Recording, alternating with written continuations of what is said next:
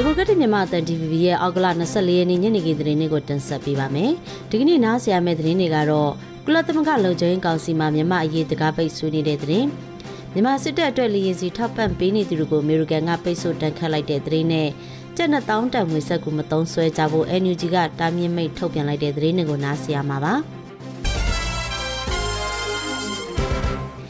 မြန်မာနိုင်ငံရဲ့လက်ရှိအခြေအနေနဲ့ပတ်သက်ပြီးအမေရိကန်ပြည်ထောင်စုနယူးယောက်မြို့မှာရှိတဲ့ကုလသမဂ္ဂလုံခြုံရေးကောင်စီမှာဒေသစံတော်ချိန်အောက်ကလ23ရက်နေ့ကအဖွဲ့ဝင်နိုင်ငံတွေရဲ့တန်တမန်တွေတကားပိတ်ဆွေးနွေးခဲ့ကြပါတယ်။ကုလသမဂ္ဂလုံခြုံရေးကောင်စီကချမှတ်ထားတဲ့မြန်မာအရေးဆုံးဖြတ်ချက်အမှတ်266ကိုအကောင့်ထဲပေါ်ဖို့အမေရိကန်နဲ့ UK ပါဝင်နိုင်ငံပေါင်း73နိုင်ငံကဆွေးနွေးပွဲအပြီးပူးတွဲကြေညာချက်ထုတ်ပြန်တိုက်တွန်းပါတယ်။ ကုလသမဂ္ဂဆိုင်ရာမြန်မာအမြဲတမ်းကိုယ်စားလှယ်တန်အမတ်ကြီးဦးကျော်မိုးထွန်းကလည်းမြန်မာပြည်သူတွေကိုအကြမ်းဖက်တပ်ဖြတ်နေတဲ့ဆရာနာရှင်တွေထံလက်နက်လေရင်စီနဲ့ငွေကြေးစည်းစိမ်မှုတွေရပ်တန့်အောင်အရေးယူဆုံးဖြတ်ချက်တွေနောက်ဆက်တွဲထပ်မံချမှတ်ဖို့ဆွေးနွေးပွဲအပြီးမီဒီယာတွေနဲ့တွေ့ဆုံစဉ်မှာတောင်းဆိုသွားပါတယ်။ လုံခြုံရေးကောင်စီရဲ့ဆုံးဖြတ်ချက်ထွက်လာပြီးတဲ့နောက်ပိုင်းမှာဆီယနာရှင်ရဲ့မြန်မာပြည်သူတွေအပေါ်မှာကြမ်းချုပ်ရက်စက်တာဟာဆက်ဖြစ်နေတယ်ကျွန်တော်တို့စီစစ်လို့ရတဲ့အချက်လက်တွေအရပြီးခဲ့တဲ့ဒီဇင်ဘာလ21ရက်နေ့ကမြန်မာစစ်တပ်ကတပ်ဖြတ်လို့တည်ဆုံးခဲ့ရတဲ့မြန်မာပြည်သူအရေးအတွက်ဟာ 2639ယောက်ရှိခဲ့ပြီးဒီကနေ့မှာတော့သေဆုံးသူအယောက်4000ရှိသွားပြီဖြစ်ပါတယ်။ဒါကြောင့်ပြီးခဲ့တဲ့6လအတွင်းပြည်သူတွေအယောက်1300တပ်ဖြတ်ခံခဲ့ရပါတယ်။ဒါအပြင်နေပေါင်း9500မိရှုဖျက်ဆီးခံရပြီးလူပေါင်း2တန်းလောက်နေရာမဲ့ဖြစ်ခဲ့ရက18တန်းလောက်လူသားချင်းစာနာမှုအကူအညီတွေလိုအပ်နေတယ်လို့ဦးကျော်မိုးထွန်းကပြောပါတယ်။ရုရှားနဲ့တရုတ်မှာပါပဲလူကြရေးကောင်စီအဖွဲ့ဝင်နိုင်ငံ73နိုင်ငံရဲ့ပူးတွဲကြီးညာချက်မှာတော့မြန်မာနိုင်ငံမှာ2021ခုနှစ်ဖေဖော်ဝါရီလ1ရက်နေ့ကစစ်တပ်အာဏာသိမ်းပြီးကတည်းကနှစ်နှစ်ခွဲကျော်အတွင်းမြန်မာပြည်ရဲ့အခြေအနေနဲ့မြန်မာပြည်သူတွေပေါ်ထိခိုက်တာတွေကိုအလွန်အမင်းစိုးရိမ်တယ်လို့ဖော်ပြပါတယ်။ ပြီးခဲ့တဲ့လတွေအတွင်းမြန်မာနိုင်ငံတွင်းအစုံမသက်နိုင်တဲ့အကြမ်းဖက်မှုတွေဆက်လက်မြင်တွေ့ခဲ့ရပြီးအရက်သားပြည်သူတွေပေါ်မှာတပ်ဖြတ်မှုတွေအထူးသဖြင့်လေကြောင်းတိုက်ခတ်မှုတွေဆက်လက်အသုံးပြုနေတာကိုပြင်းပြင်းထန်ထန်ရှုတ်ချကြောင်းနဲ့နိုင်ငံတကာဥပဒေတွေကိုလေးစားလိုက်နာဖို့အရက်သားပြည်သူတွေကိုကာကွယ်ပေးဖို့လိုအပ်နေတယ်လို့ထပ်လောင်းအတည်ပြုတယ်လို့ဆိုပါတယ်။အာဆီယံနဲ့အာဆီယံဥက္ကဋ္ဌရဲ့ကြိုးပမ်းအားထုတ်မှုကိုအခိုင်အမာထောက်ခံကြောင်းဘုံသဘောတူညီချက်၅ချက်ကိုချက်ချင်းထိထိရောက်တဲ့အပြည့်အဝအကောင့်ထဲပေါ်ဖို့လဲမြန်မာစစ်တပ်ကိုတောင်းဆိုလိုက်ပါတယ်။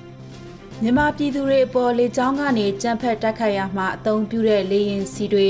စစ်အာဏာရှင်အတွက်ထောက်ပံ့ကူညီပေးနေတဲ့လူပုဂ္ဂိုလ်2ယောက်နဲ့စင်ကာပူအခြေစိုက်ကုမ္ပဏီ3ခုတို့ကိုပိတ်ဆို့တန်းခတ်အရေးယူလိုက်ကြောင်းအမေရိကန်ဗဏ္ဍာရေးဝန်ကြီးဌာနကဩဂုတ်လ23ရက်မှာကြေညာပါတယ်။ အမေရိကန်ရဲ့ပိတ်ဆို့တန်ခတ်မှုအသစ်ထပ်လုပ်လိုက်သူတွေထဲမှာမြန်မာစစ်တပ်အတွက်လေရင်စီရယူဖြန့်ဖြူပေးရမှာပါဝင်တဲ့ဒေါက်ခင်ဖြူဝင်းနဲ့ဦးစောမင်းထွန်းတို့အပြင်သူတို့နဲ့ဆက်နွယ်တဲ့ကုမ္ပဏီ၃ခုကိုလည်းထည့်သွင်းထားလိုက်တာဖြစ်ပါတယ်။အဲ့ဒီကုမ္ပဏီ၃ခုကတော့စင်ကာပူမှာအခြေစိုက်တဲ့ Sean Energy PTE Limited,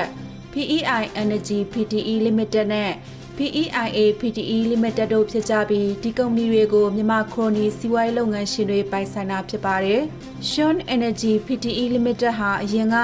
Asia Sun ကုမ္ပဏီအုပ်စုရဲ့ Asia Sun Aviation ကုမ္ပဏီကိုအမည်ပြောင်းထားတာဖြစ်ပါတယ်။မြန်မာစစ်တပ်နဲ့စီးပွားရေးဆက်ဆံပတ်သက်နေတဲ့ပြည်ပကုမ္ပဏီတွေကိုပိတ်ဆို့တားဆီးဖို့သမရဂျိုးဘိုင်ဒန်လက်မှတ်ရေးထိုးထားတဲ့အမိန့်အရ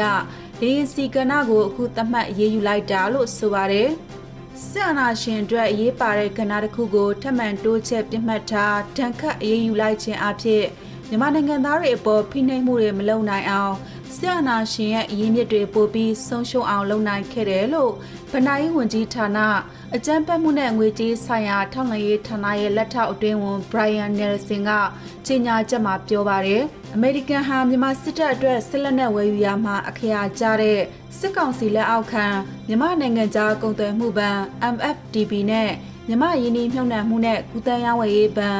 MICB နဲ့ နိုင်ငံခြားဝင်ငွေရှာပေးနေတဲ့မြမရေနံနဲ့သဘာဝတံငွေလုပ်ငန်းတို့ကိုလည်းပိတ်ဆို့တန်ခတ်အရေးယူထားပါတယ်။စစ်ကောင်စီကထုတ်ဝေတဲ့တရားမဝင်1000တန်ငွေဆက်ကူတွေကိုပုဂ္ဂလိကဗန်တွေနဲ့ငွေကြေးဝန်ဆောင်မှုလုပ်ငန်းတွေသုံးစွဲခြင်းမပြုကြဖို့မလိုက်နိုင်ရင်ဥပဒေနဲ့ညှိအပြစ်ပေးရေးယူသွားမယ်လို့မြို့သားညီညွတ်ရေးအစိုးရ NUG ရဲ့အကြမ်းဖက်တိုက်ဖျက်ရေးဗဟိုအဖွဲ့ကအောက်ကလ24ရက်နေ့မှာတာမြင့်မိတ်ထုတ်ပြန်လိုက်ပါတယ်။ အကြမ်းဖက်မှုတိုက်ဖျက်ရေးဗဟိုအဖွဲ့ကအကြမ်းဖက်မှုတိုက်ဖျက်ရေးဥပဒေအခန်း7နှစ်မှာဖော်ပြထားတဲ့အကြမ်းဖက်မှုငွေကြေးထောက်ပံ့မှုဆိုင်ရာပြည်မှုတွေကိုတားဆီးနိုင်နေမှုရည်ပြီးတော့ဒီမိတ်ကိုထုတ်ပြန်ကြေညာလိုက်တာလို့ဆိုပါတယ်။အစောပိုင်းတုန်းကလည်း NUG အစိုးရဂျာကာလာဗဟိုဘဏ်အနေနဲ့အကြမ်းဖက်စစ်ကောင်စီထုတ်ဝေတဲ့2000တန်ငွေဆက်ကူဟာတရားမဝင်ငွေဆက်ကူတွေဖြစ်တယ်လို့ကြေညာထားပြီးဖြစ်တယ်လို့အဆိုပါငွေဆက်ကူကိုလက်ဝယ်ထားရှိတာအယောင်းဝယ်ပြူတာဒနီနီနဲ့လွဲပြောင်းတာတွေငွေကြေးပံ့ပိုးမှုဆိုင်ရာပြစ်မှုတွေကိုကျွလွန်ရာရောက်တယ်လို့လည်းထုတ်ပြန်ကြမှာဖော်ပြပါတယ်။ဒါကြောင့်မို့ပြည်တွင်းငွေကြေးလက်ပတ်စီစဉ်မှုမှာအဓိကကျတဲ့အခန်းကဏ္ဍမှာငွေကြေးဝန်ဆောင်မှုလုပ်ငန်းတွေဆောင်ရွက်နေတဲ့ပုဂ္ဂလိကဘဏ်နဲ့ငွေကြေးဝန်ဆောင်မှုလုပ်ငန်းတွေအနေနဲ့မသုံးဆွဲကြဖို့တားမြစ်မိတ်ထုတ်ပြန်လိုက်ကသုံးဆွဲတာတွေတွေ့ရင်တော့ energy အစိုးရအကြမ်းဖက်မှုတပ်ဖြတ်ရေးဖို့ဟိုအဖွဲ့အစည်းအတိပေးတိုင်ကြားဖို့လည်းတိုက်တွန်းထားပါတယ်။စစ်ကောင်စီကကြက်2000တန်ငွေဆက်ကူကိုဒီကနေ့မှဖြတ်ဝင်မယ်လို့ကြေညာထားပြီးတဲ့နောက်မှာအဲ့ဒီငွေဆက်ကူပြန့်နှံ့လာမှာကိုပြည်သူတွေကစိုးရိမ်နေပါတယ်။အဲ့ဒီကြက်2000တန်ငွေဆက်ကူထုတ်မယ်လို့စစ်ကောင်စီကကြေညာလိုက်ကြတဲ့ကအခြေခံစားတောက်ကုန်တွေလောက်ခတ်ခဲ့တယ်လို့ကြက်ငွေတန်မိုးလည်းထပ်ပြီးကျဆင်းသွားခဲ့ပါတယ်။မကွေးတိုင်းတွင်မြို့နယ်တချို့မှာ AR မြစ်ရည်မြင့်တက်လာလို့အခြေခံပညာစာသင်ကျောင်း26ကျောင်းပိတ်ထားရတယ်လို့တိုင်းဆိုရနဲ့နှိဆက်သူတွေစီကသိရပါတယ်။ AR မြစ်ကန်တဘေးမှာရှိတဲ့မြို့နယ်တွေဖြစ်တဲ့ပွင့်ဖြူရင်နံကျောင်းစလင်းနဲ့မင်းဘူးစကူမြို့နယ်တွေမှာအကုလ19ရက်ကစာတင်ကမြစ်ရည်တက်ပြီးအကုလ22ရက်မှာစိုးရိမ်ရတဲ့အနေအထားဖြစ်လာတာကြောင့်စာသင်ကျောင်းတွေခိတ္တယာယီပိတ်ထားရတာလို့တိုင်းဆိုရဖွဲ့နဲ့နှိဆက်သူတူက DPP ကိုပြောပါတယ်။အစိုးရစာသင်ကျောင်း26ကျောင်းပိတ်ထားရပေမဲ့ ကျောင်းတွေပြန်လည်ဖွင့်လှစ်ပါကပိတ်ထားတဲ့ရက်တွေကိုအစားထိုးပြန်သင်ပေးသွားမှာဖြစ်တယ်လို့တိုင်းပညာရေးရုံးနဲ့နှိဆက်သူကပြောပါတယ်။မကွေးတိုင်းတွင်လက်ရှိပိတ်ထားရတဲ့ကျောင်းတွေကတော့ပွင့်ဖြူမြို့နယ်မှာ6ကျောင်းရင်းနှံကျောင်းမြို့နယ်မှာ6ကျောင်းစလင်းမြို့နယ်မှာ12ကျောင်းမင်းဘူးစကူမြို့နယ်မှာ2ကျောင်းတို့ဖြစ်ပါတယ်။မကွေးတိုင်းမှာ25မြို့နယ်ရှိပြီးစာသင်ကျောင်း3300ကျော်ရှိက